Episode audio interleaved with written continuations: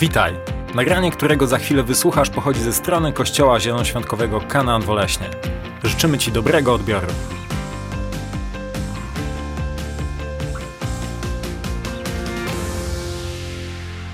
Jesteśmy w trakcie takiej serii Kościół, do którego chodziłby i Kościół, do którego nie chodziłby Jezus Chrystus. Kontrowersyjnie i tak dalej, i tak dalej. Nie chodzi mi o nazwę denominacji, nie chodzi mi o nazwę kościoła, że Bóg, a jakby Jezus był na ziemi, to na pewno nie chodziłby do tamtego kościoła, na pewno nie chodziłby do tamtego kościoła. To nie chodzi o to. Tutaj chodzi o pewne cechy, które posi powinien posiadać Kościół, który przyciągnąłby Chrystusa. I chciałbym dzisiaj mówić o tym, że Kościół, do którego chodziłby Chrystus, to jest Kościół prawdziwy. A Kościół, do którego nie chodziłby Chrystus, i Chrystus z takim Kościołem ma, ma problem, to jest Kościół, który jest prawdziwawy. Prawdziwawy to jest, y, to jest taki neologizm. To jest taka kalka z języka angielskiego, a, który oznacza, że coś jest truish, że coś jest, tego się nie da inaczej przetłumaczyć, jak po prostu, że jest prawdziwawe.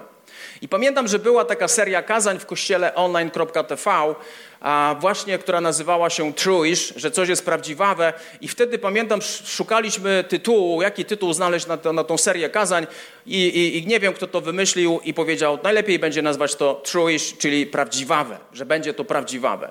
Prawdziwawe, czyli coś, co jest pozornie prawdziwe, a jednak jest kłamstwem. A jednak jest kłamstwem. Definicja, w naszym, w naszym, definicja prawdy w naszym życiu jest kluczowa, bo ona, ona determinuje jakość naszego życia, ona, ona determinuje decyzje, które będziemy podejmować, ona determinuje absolutnie wszystko. To, co jest prawdą w Twoim życiu. Jeśli będziesz temu wierzył, to na podstawie tego, w co wierzysz, będzie się zmieniać Twoje zachowanie. Albo będzie się zmieniać w pozytywny sposób, albo będzie się zmieniać w negatywny sposób, w zależności od tego, w co uwierzyłeś, co uznałeś za prawdę. Żyjąc w czasach tak zwanego info, infotainmentu, infotainment to jest nic innego jak czerpanie rozrywki z informacji, to żyjemy, żyjemy w czasach, kiedy mamy mnóstwo informacji, mnóstwo. Wchodzisz w internet i masz dostęp generalnie do wszystkiego. W swoim telefonie teraz, w tym momencie masz dostęp do wszystkiego. Wiele tych rzeczy jest zupełnie za darmo. Czas płatności pewnych rzeczy w internecie już się zaczyna kończyć. W tym chaosie informacji whakował swoje życie. Prawd? To ty musisz o jednej rzeczy największym poznać. Jest łatwo rozpoznać przeciwnik człowieka, którym jest diabeł szatan. Personalny diabeł szatan. On, on nie mówi ci, nie przychodzi do ciebie jako ktoś, kto jest, że łatwo to rozpoznać, że to jest po prostu złe. On przychodzi pod pozorem prawdy. Drugi list do Koryntian, 11 rozdział, wersety od 13 do 15, jest taki fragment, gdzie apostoł Paweł mówi na temat fałszywych apostołów i, i używa takiej retoryki. Bo oni są fałszywymi apostołami, nieuczciwymi pracownikami, podszywają się tylko pod apostołów Chrystusa i nic dziwnego. Przecież sam szatan podszywa się pod anioła światłości. Cóż więc szczególnego, że jego parobkowie podszywają się pod przedstawicieli sprawiedliwości, lecz ich koniec będzie zgodny z ich czynami. Szatan przychodzi jako anioł jako anioł światłości. On nie przychodzi jako anioł ciemności, on przychodzi jako anioł ciemności, jako światłości. On przychodzi się, podszywa pod pewne rzeczy. I nigdy nie zapomnę takiej sytuacji, kiedy modliliśmy się, modliliśmy się o pewnego człowieka, który, był, który nie był chory psychicznie, on był po prostu opętany. To był człowiek, który był opętany, złe duchy w nim mieszkały. I w imieniu Jezusa Chrystusa modliliśmy się o niego, i w pewnym momencie dzieje się niesamowita rzecz, bo ten człowiek, o którego się modlimy, wstaje, podnosi swoje ręce i zaczyna krzyczeć Aleluja. W tym momencie kilku z nas, którzy się modliliśmy, myśleliśmy, że dokonało się uwolnienie w jego życiu. Ja w tym momencie, ja i kilka osób czuliśmy, że coś tutaj jest nie tak. Czułem w moim sercu, że coś tutaj jest nie tak. Okazało się, że ten człowiek, który zawołał Aleluja, to wcale nie był głos tego człowieka, który był opętany, ale to był głos złego ducha, który przemówił Aleluja, żeby nas zwieść, żeby nam pokazać, że to już się dokonało, że on jest wolny. Chwilę potem modliliśmy się jeszcze bardziej, jeszcze mocniej o niego, modliliśmy się, modliliśmy się, doznał całkowitego uwolnienia. Wszystkie głosy w jego głowie, wszystko zniknęło w imieniu Jezusa Chrystusa. Ale po co wam to opowiadam? Bo opowiadam wam to po to, abyśmy zrozumieli, jak sprytny jest diabeł. Diabeł nie przez przypadek przyjął postać węża w ogrodzie Eden, dlatego że wąż jest śliski, on jest właśnie podstępny, on jest, jest, jest coś w takim wężu, że on chodzi gdzieś po trawie, nie widzi tego nikt i nagle cię ukąsi. On jest sprytny, diabeł tak działa. On się podszywa pod anioła światłości. Na tym polega prawdziwawość pewnych rzeczy. Że coś wydaje się być prawdziwe, a de facto jest prawdziwawe, czyli jest kłamstwem. Wydaje się, wydaje się, że pytanie skąd pochodzi prawda, skąd pochodzi prawda i co jest prawdą, jest pytaniem dla człowieka od wielu, wielu lat. Ewangelia Jana, 18 rozdział, werset 37 i 38. Na pewno jak podam teraz imię człowieka, o którym będę mówił, to na pewno skojarzycie. Będę mówił na temat Piłata.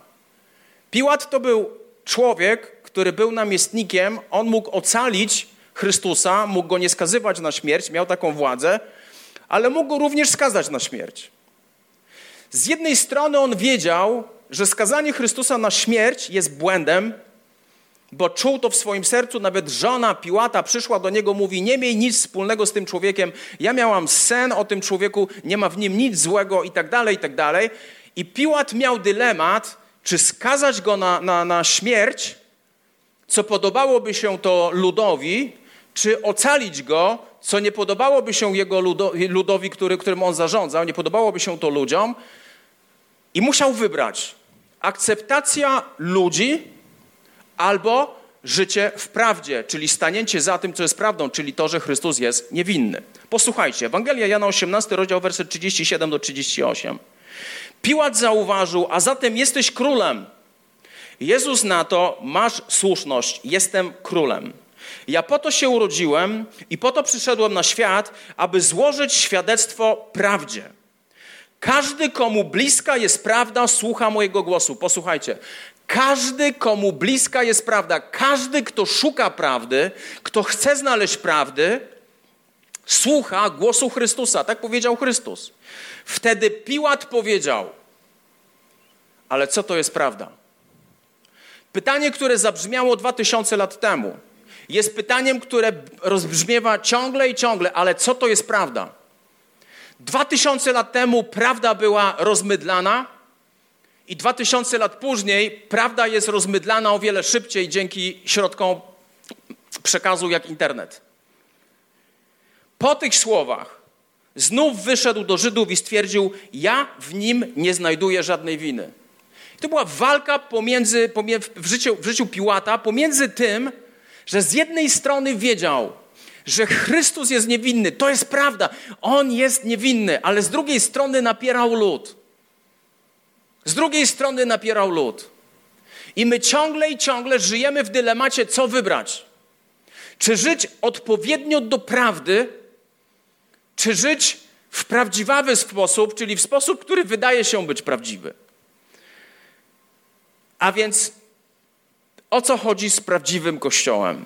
Prawdziwy Kościół to Kościół, gdzie prawda Słowa Bożego jest najważniejsza, podczas gdy prawdziwawy Kościół szuka substytutów prawdy. Przeczytam to jeszcze raz. Prawdziwy Kościół to jest Kościół, gdzie prawda Słowa Bożego, i zaraz Wam wyjaśnię o co chodzi, jest najważniejsza, podczas gdy prawdziwawy Kościół szuka substytutów prawdy. Ewangelia Jana 17, rozdział 17, werset, tak zwana arcykapłańska modlitwa Chrystusa. Chrystus mówi tak, modli się do Ojca i mówi tak, poświęć ich do życia w prawdzie i mówi, słowo Twoje jest prawdą. Chrystus mówi, słowo Twoje, Ojcze, Twoje słowo jest prawdą. Drugi list do Tymoteusza, czyli to jest list Nowego Testamentu, trzeci rozdział, werset od 16 do 17, Paweł mówi do Tymoteusza w taki sposób: Całe pismo natchnione jest przez Boga i pożyteczne do nauki, do wykrywania błędu, do poprawy, do wychowywania w sprawiedliwości. Całe pismo natchnione jest przez Boga. 66 ksiąg Nowego i Starego Testamentu, 39 ksiąg Starego Testamentu i 27 ksiąg Nowego Testamentu to są księgi, które są natchnione przez Boga. Oczywiście spisało Biblię około 40 osób w różnych miejscach na przestrzeni różnego czasu i tym, kto ich inspirował do napisania, napisania tego, co napisali, to był Duch Święty. I kiedy uczciwie podejdziesz do Bożego Słowa, widzisz, że nie ma tam żadnych zaprzeczeń, to są pozorne zaprzeczenia, ale kiedy zbadasz całe pismo, to zrozumiesz jedną rzecz, że pismo wyjaśnia pismo. Że to, że jeśli nie rozumiesz czegoś w Starym Testamencie, to możesz znaleźć odpowiedzi w Nowym Testamencie, o co tutaj chodziło, i, i odwrotnie. Boże Słowo, Boże Słowo samo się broni. Ono jest natchnione przez Boga. A więc celem, celem prawdziwego Kościoła jest trzymanie się jedynej prawdy. Jedynej prawdy, jeśli chodzi o naukę, jeśli chodzi o doktrynę, i tą prawdą jest Słowo Boże. Nie w kawałku Bożego Słowa, nie w kilku księgach Bożego Słowa, ale podejść do tego holistycznie, całościowo. Wszystko, całe pismo przez Boga jest natchnione, a więc trzymać się tego, co Biblia mówi bardzo, ale to bardzo konkretnie. To jest prawdziwy Kościół. Trzyma się Bożego Słowa. Naucza kazań, kazań z, z Bożego Słowa. Buduje swoją doktrynę w oparciu o Boże Słowo. Nie w oparciu o inne rzeczy, nie w oparciu o jakieś wymysły, nie w oparciu o jakieś objawienia.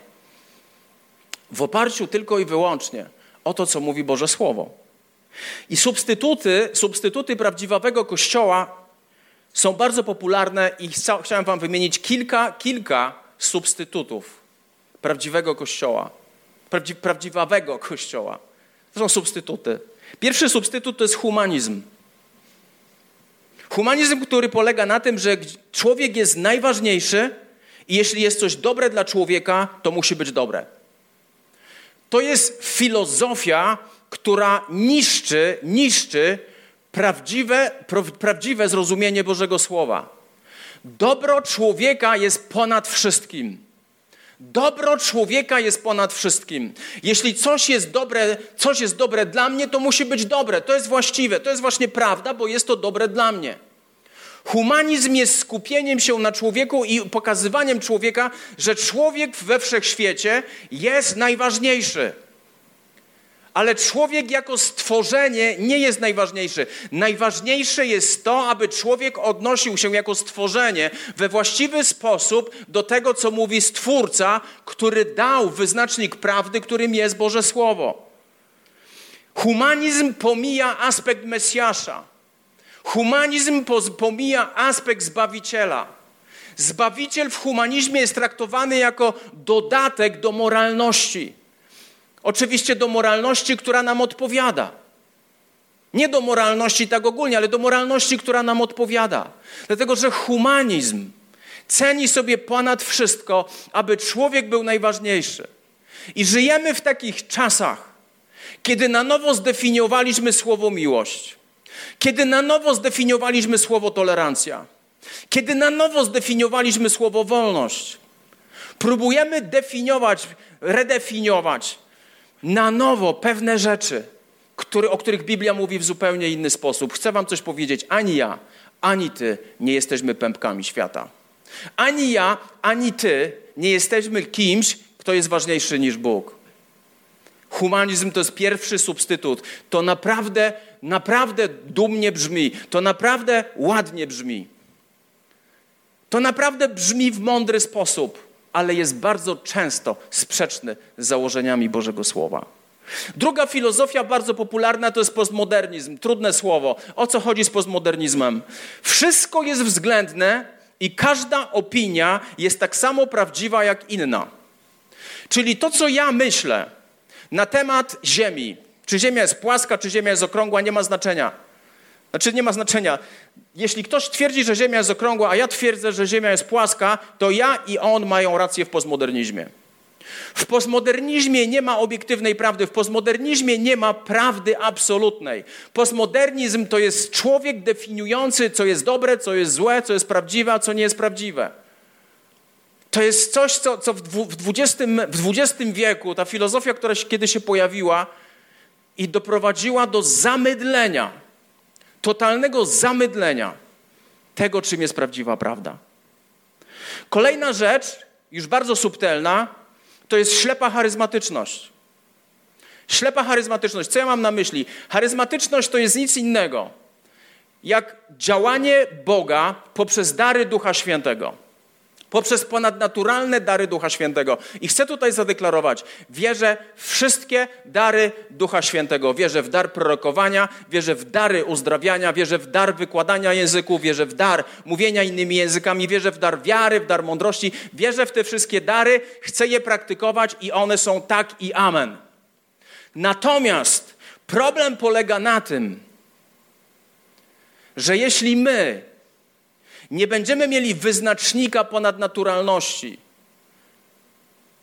nie będziemy mieli prawdziwego wyznacznika ponadnaturalności, to będziemy myśleć, że każdy przejaw ponadnaturalny, czyli nienaturalny, każdy cudowny przejaw możemy interpretować, że jest działaniem Boga. Ale jeśli coś, jeśli cuda nie są czynione tylko i wyłącznie w imieniu Jezusa Chrystusa. To jest margines na potężny błąd. Błąd, który może cię zwieść. Bardzo często oglądamy uzdrowicieli na całym świecie, którzy uzdrawiają ludzi, po prostu oni mówią, że to jest ich siła, że to jest siła wyższa. To nie są, to nie są cuda, które się dokonują w imieniu Jezusa Chrystusa. To nie są też cuda, które są czynione na chwałę Jezusa Chrystusa. To są cuda, które po prostu się dzieją. I bardzo często jest tak w tym całym świecie, że ktoś zostaje uzdrowiony, wow, niesamowite, ktoś zostaje uzdrowiony z raka powiedzmy wątroby, ale rok później dowiadujemy się, że ten człowiek zmarł na raka żołądka. Dlaczego tak jest? Dlatego, że diabeł, moi drodzy, diabeł też potrafi czynić cuda. Gdyby diabeł nie potrafił czynić cudów, okultyzm nie byłby tak popularny, jak jest teraz popularny. My w naszej charyzmatyczności, w naszym funkcjonowaniu w ponadnaturalny sposób, w naszych modlitwach o chorych, w naszym prorokowaniu i jakiejkolwiek, jakiejkolwiek ponadnaturalności w chrześcijaństwie, musimy mieć wyznacznik prawdy, którym jest Słowo Boże którym jest Słowo Boże. I charyzmatyczność bardzo często, bardzo często dla wielu ludzi, szczególnie chrześcijan, jeśli to działa, to musi być dobre. Niekoniecznie. Niekoniecznie to jest dobre. To, że ktoś został uzdrowiony nie w imieniu Jezusa Chrystusa, ale pod wpływem jakiejś innej mocy, jakiejś innej siły, to nie jest dobre.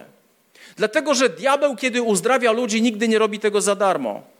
Ja znam ludzi, których Chrystus uzdrowił z raka, znam ludzi, których Chrystus uzdrowił dosłownie na łożu śmierci i oni wrócili do domu i żyją dzisiaj bez Jezusa Chrystusa. Ale Chrystus nie zabrał im tego uzdrowienia w żaden sposób. Na tym polega Boża dobroć. Boża dobroć polega na tym, że Bóg czyni pewne rzeczy za darmo. Nie musisz za to płacić. Jeśli coś nie jest czynione w imieniu Jezusa Chrystusa, to jest problem. Pan Jezus do pewnej grupy religijnej, która nazywała się Sadyceuszami. Saduceusze to byli ludzie, którzy nie wierzyli. Nie wierzyli w ponadnaturalność. Nie wierzyli w zmartwychwstanie ani jakiekolwiek ponadnaturalne działanie Boga. I Chrystus im powiedział taką rzecz. Ewangelia Marka, 12 rozdział, werset 24. Czyż nie dlatego błądzicie, że nie znacie pisma ani mocy Boga? Możesz błądzić z dwóch powodów. Możesz błądzić z tego powodu, że nie znasz pisma, ale możesz również błądzić z tego powodu, że nie uznajesz potężnej mocy Jezusa Chrystusa, która jest w stanie zmieniać rzeczywistość. Chrystus powiedział: Nie dlatego błądzicie.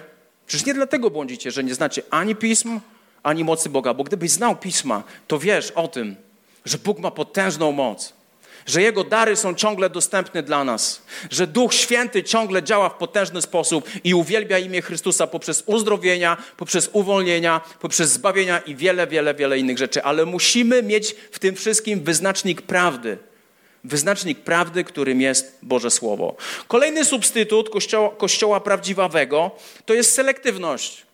A więc, okej, okay, już trzymam się Bożego Słowa, trzymam się Biblii, ale pewne rzeczy sobie wybieram, że one są dobre, a pewne rzeczy sobie interpretuję po swojemu, tak żeby były dla mnie dobre.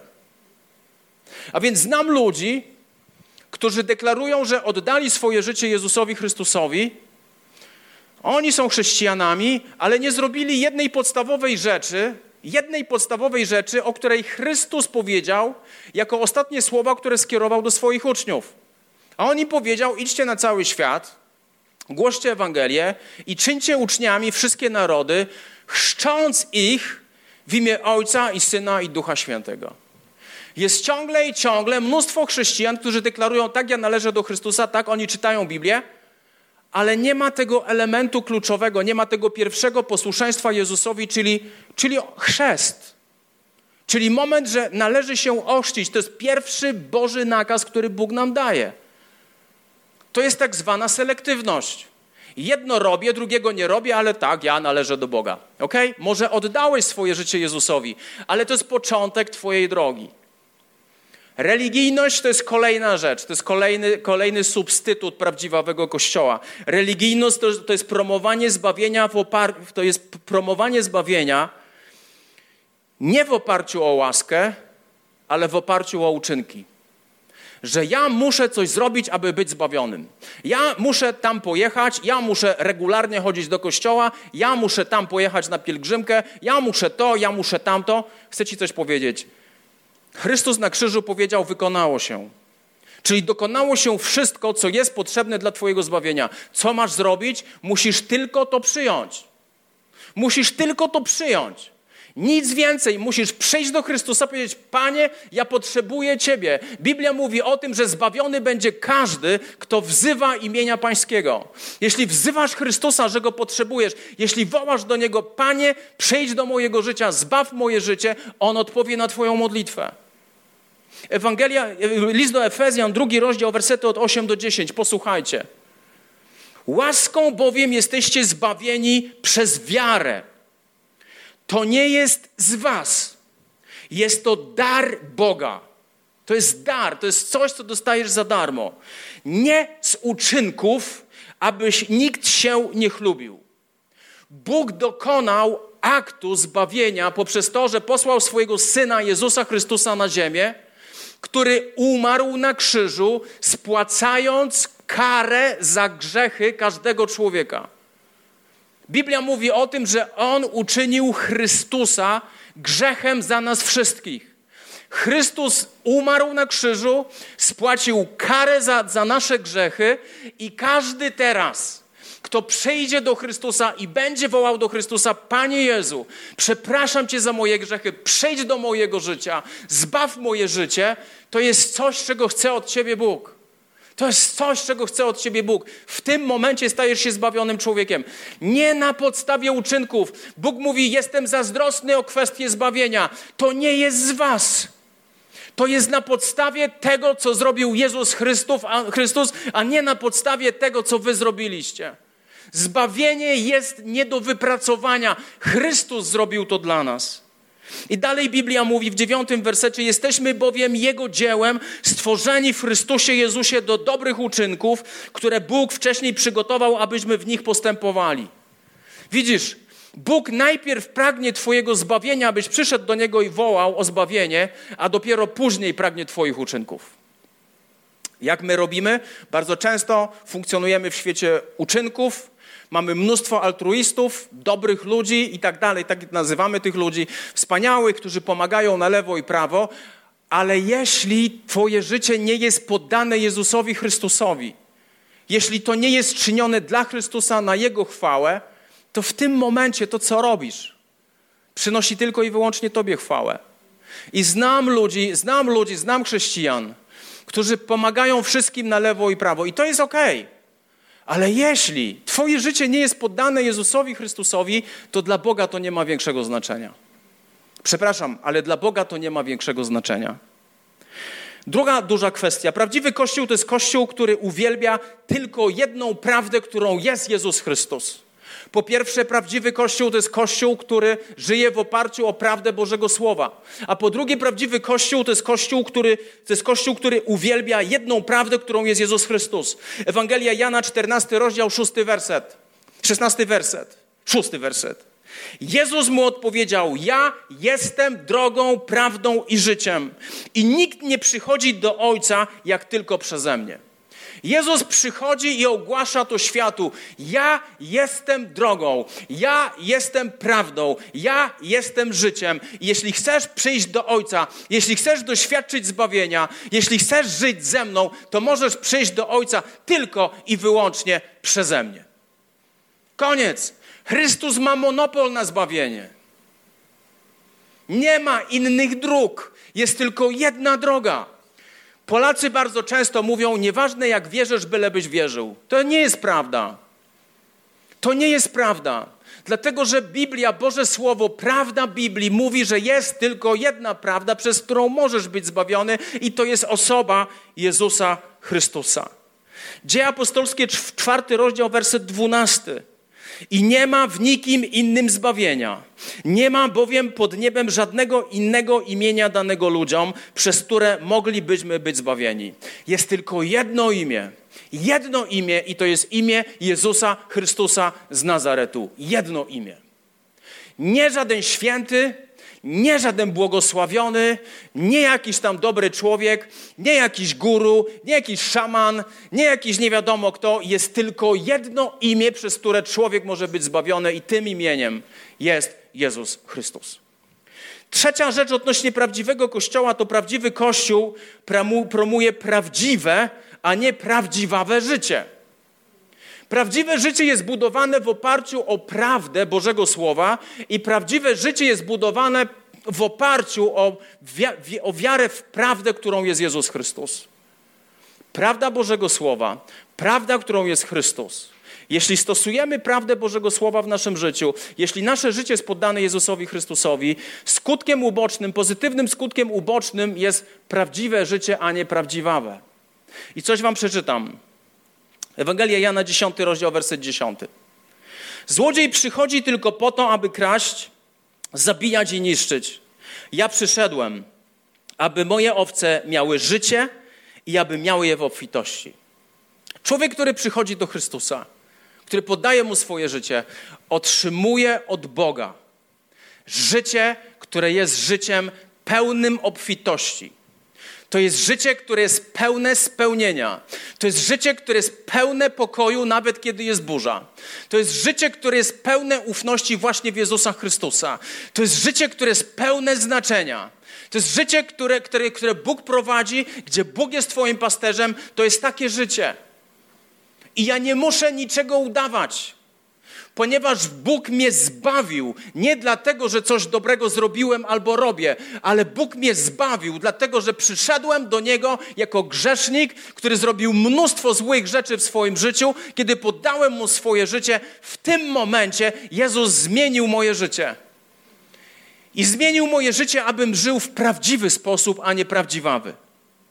Żyjemy w czasach mediów społecznościowych, żyjemy w czasach Instagramów, Facebooków i innych aplikacji, o których ja jako stary człowiek już nie mam pojęcia. I powiem wam, co widzę na Facebooku, na Instagramie. Widzę po prostu festiwal, jak wspaniały jestem i festiwal, jak wspaniałe jest moje życie. Nie widziałem jeszcze na Instagramie, nie widziałem jeszcze na Facebooku zbyt dużej ilości Ludzi, którzy mówią, że mają problem, że jest im ciężko. Nie widziałem zbyt wielu zdjęć mało atrakcyjnych ludzi na Facebooku, gdzie atrakcyjni ludzie, którzy myślą tak o sobie, to są tysiące zdjęć, dlatego że my promujemy. Promujemy sukces. Promujemy to, co jest piękne i wspaniałe. Promujemy to, co jest atrakcyjne. Promujemy to, co przynosi uznanie w oczach oglądających. Ale tak naprawdę wygląda nasze życie? Moje życie nie jest, nie jest zawsze piękne i cudowne i nie zawsze jest pięknie i cudownie. W moim życiu i podejrzewam, jeśli jesteś człowiekiem, który używa tlenu, aby oddychać, to w Twoim życiu dzieją się również złe rzeczy. Dzieją się trudne rzeczy, dzieją się bolesne rzeczy. I bolesne rzeczy są prawdą, są, są takim testem dla, dla, tego, dla tego, czy ja żyję prawdziwym czy prawdziwym życiem. Czy ja muszę żyć teraz, ja muszę udawać, że jest cudownie, wspaniale? Nie. Ja chcę żyć prawdziwym życiem. Ja nie muszę nikogo udawać, ja nie muszę niczego udawać. Nie muszę udawać, że jest cudownie, wspaniale i jest, jest, jest ekstra. Chcę być prawdziwym człowiekiem, który będzie z łatwością mówił o swoich słabościach, o rzeczach, przez które przechodzi. Ja nie chcę być sztuczny, ja nie chcę być prawdziwawy, ja chcę być prawdziwy. I ciekawa jest, ciekawa jest historia w drugim liście do Koryntian, w trzecim rozdziale i trzynastym wersecie. Paweł mówi tak, a nie jak Mojżesz, który kładł sobie na twarz zasłonę, aby synowie Izraela nie wpatrywali się w koniec tego, co miało przeminąć. O co chodzi? Kiedy Mojżesz rozmawiał z Bogiem, kiedy Mojżesz szedł, w, kiedy Bóg wołał Mojżesza, aby przyszedł na górę, i kiedy Mojżesz rozmawiał z Bogiem, czy miał codzienny czas z Bogiem, kiedy był w namiocie i rozmawiał z Bogiem, to kiedy wychodził z tego namiotu, jego twarz jaśniała.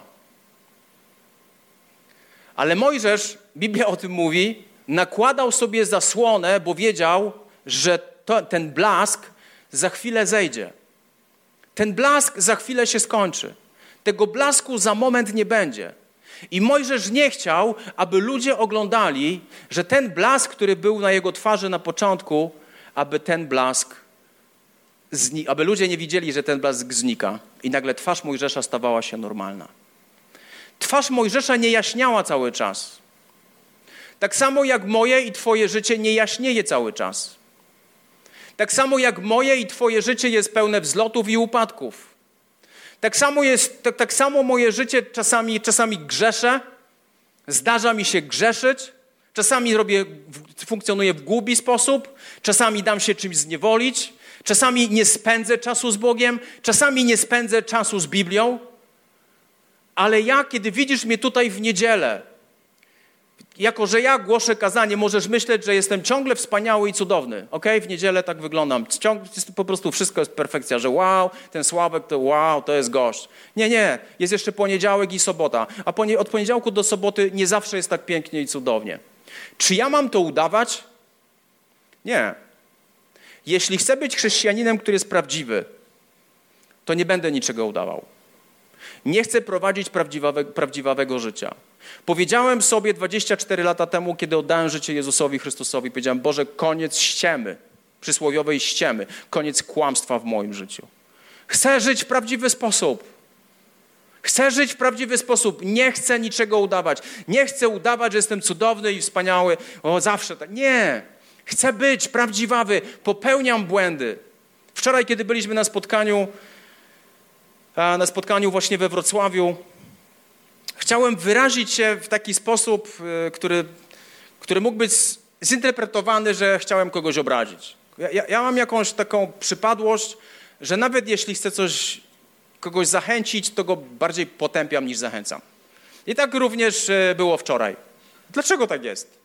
Bo Bóg od 24 lat pracuje nad moim językiem. Nie chodzi o operację, bo jest problem w mojej jamie ustnej.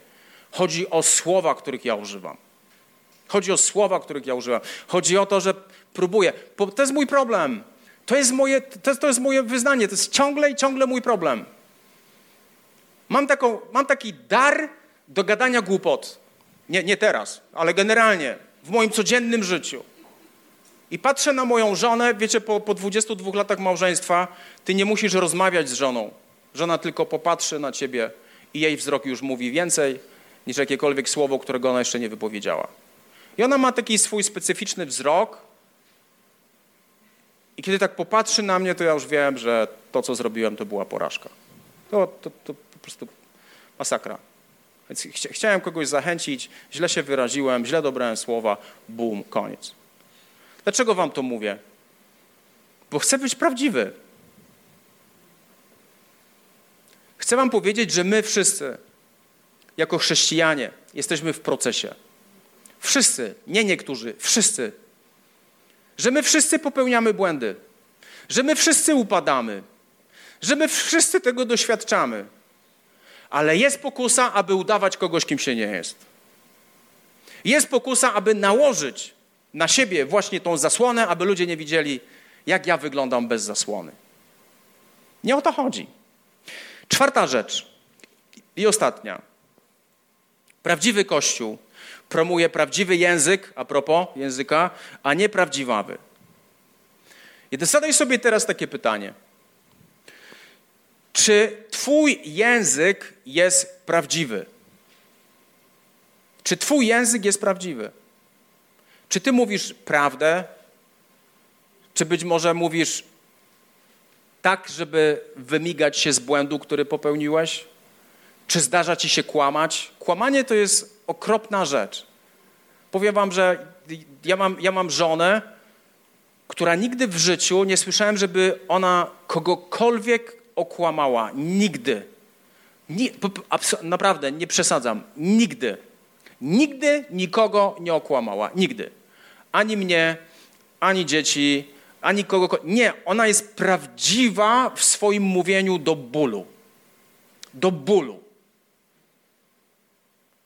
Czasami to boli, ale z drugiej strony Bóg mi ją dał, abym miał przykład, do którego mam dążyć, jeśli chodzi o prawdziwość mojego języka. Zadaj sobie pytanie, czy Twój język dodaje ludziom wartości? Czy kiedy spotykasz się z ludźmi, czy oni po rozmowie z Tobą czują się fatalnie, czy oni się czują lepsi? Co wytwarzasz? To są takie pytania, które Wam daję na sam koniec tego kazania. Pomyśl o tym. Czy Twój język dodaje ludziom wartości, czy Twój język zabiera ludziom wartość? Czy Twój język buduje ludzi? Czy Twój język buduje ludzi? Wiecie, jak ja przechodzę przez trudny czas, to mam takich kilka osób, którym o tym mówię. Dlaczego? Bo oni zawsze jak im coś powiem, to oni zawsze zbudują moje życie. Oni zawsze zbudują moje życie. Przechodzę przez trudny czas, tak jak Wam powiedziałem wcześniej, bardzo trudny czas. I zadzwoniłem z tym moim problemem a do mojego zwierzchnika, do, do, do biskupa Kościoła Zielonoświątkowego, do Marka Kamińskiego. Zadzwoniłem do niego, powiedziałem mu co i jak. To była chyba środa wieczór, przepraszam, czwartek wieczór. W piątek rano biskup zadzwonił do mnie, gadaliśmy i on mówi: Modliłem się o tą sprawę. Będzie dobrze. Sławek, będzie dobrze. Ufaj Bogu, będzie dobrze. Wiecie, kiedy przechodzimy przez trudny czas, i nigdy nie wiesz, z kim rozmawiasz. Nie wiesz, nie wiesz, z jakim życiem w danym momencie masz do czynienia. I musisz sobie zadać pytanie, czy Twój język buduje, czy Twój język podnosi ludzi. Czy Twój język plotkuje? Plotkowanie to jest rozmawianie o kimś w negatywny sposób, szczególnie, szczególnie w momentach, kiedy go nie ma. Wiecie, to jest bardzo nie fair kiedy plotkujesz o kimś. Dlatego, że plotkujesz o kimś, a ta osoba nawet nie ma opcji się obronić. Ona nie ma opcji skorygować czegokolwiek. No bo jak? jak? Nie ma. To jest plotkowanie.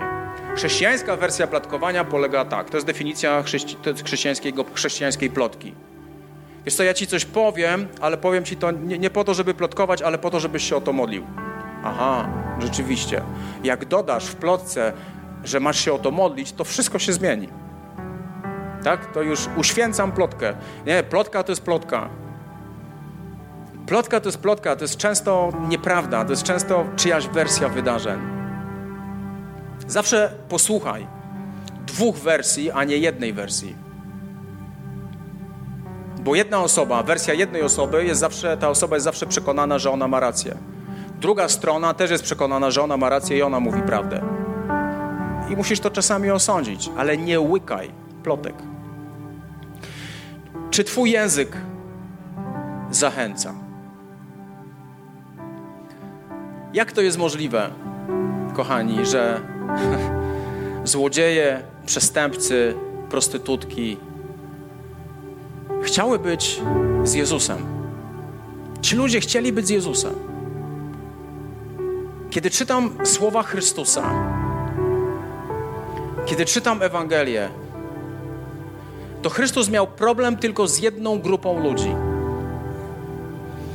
Z tymi, którzy byli religijnymi ludźmi, samosprawiedliwymi ludźmi, którzy uważali, że wszystko wiedzą najlepiej, a innych traktowali z góry, a innych traktowali z góry. Jezus miał tylko problem z taką grupą ludzi. To jest niesamowite. Przychodzi Jezus, przychodzi prawda, bo Jezus jest prawdą. On jest osobą, która jest, praw jest prawdą. Przychodzi Jezus i tyle ludzi chciało z nim być. Dlatego, że od Chrystusa wypływała mądrość. Wypływały czasami trudne treści, ale te trudne treści wypływały w taki sposób, że ci ludzie czuli się zachęceni. Dla mnie język chrześcijański to jest język, który zachęca. Nasz język ojczysty, chrześcijański język ojczysty, to jest zachęta. Tak jak językiem ojczystym w Polsce jest język polski, tak jak w Anglii angielski i nie, nie będę kontynuował tego bezsensownego przykładu. Tak samo dla chrześcijan nasz język ojczysty, nasz język oficjalny i nieoficjalny to jest zachęta. Prawda, że piękne było dzisiaj uwielbienie? Prawda, że pięknie to było zagrane? Prawda, że ci ludzie pięknie śpiewają, pięknie grają? Ja jestem zachęcony tym, w jaki sposób, w jaki sposób grupa tutaj uwielbienia, uwielbi, że mogliśmy z nimi właśnie uwielbić Pana Boga, że nie było ciszy, że można było Go uwielbić. Chcę Ci podziękować i zachęcić Cię, jeśli jesteś z nami online bądź offline. Super, mogłeś teraz oglądać M jak miłość, ale wybrałeś coś innego. Mogłeś teraz siedzieć w domu i, i, i sprawdzać, czy rosół Ci się nie, nie przygotuje. O ile to w ogóle jest możliwe. A przyszedłeś do kościoła. To jest super. Dziękuję Ci za to, że poświęciłeś ten czas nam, że poświęciłeś, poświęciłeś ten czas, aby chociaż w tym momencie, w niedzielę, pomyśleć o Bogu. Chciałbym Cię zachęcić do tego, abyś żył w prawdziwy sposób, nieprawdziwawy. Abyś budował swoje życie na prawdzie Bożego Słowa, a nie na pra prawdziwości. Abyś żył po prostu w autentyczny sposób. Buduj swoje życie w oparciu o prawdę. Buduj. Przeraża mnie to, przeraża mnie to, że czasami większą prawdą może w świecie chrześcijańskim stać się książka Olgi Tokarczuk, aniżeli Boże Słowo, które jest natchnione. Że czasami wyznacznikiem prawdy, czasami wyznacznikiem prawdy mogą stać się ateistyczne mądrości ludzi, którzy, które są mądre, ale są pozbawione jednego kluczego, kluczowego elementu, którym jest Jezus Chrystus. Prawdą jest Jezus, Jego Słowo jest prawdą. Buduj prawdziwe życie i bądź zawsze prawdziwy, zawsze mów prawdę, niech Twój język jest również prawdziwy. Chciałbym się modlić teraz, jeśli jesteś chrześcijaninem, chciałbym się modlić o Ciebie, abyś żył w taki sposób. Nie wiem, nie wiem gdzie musisz dokonać korekty w swoim życiu. Nie wiem, gdzie być może popełniłeś błąd. Jest okej, okay, my wszyscy błądzimy. Ale być może jest czas coś wyprostować, coś zmienić i żyć w inny sposób. Chciałem się teraz do Ciebie pomodlić. Panie Jezu, ja modlę się o każdą osobę, która słuchała tego kazania. O każdą osobę, która była tutaj z nami.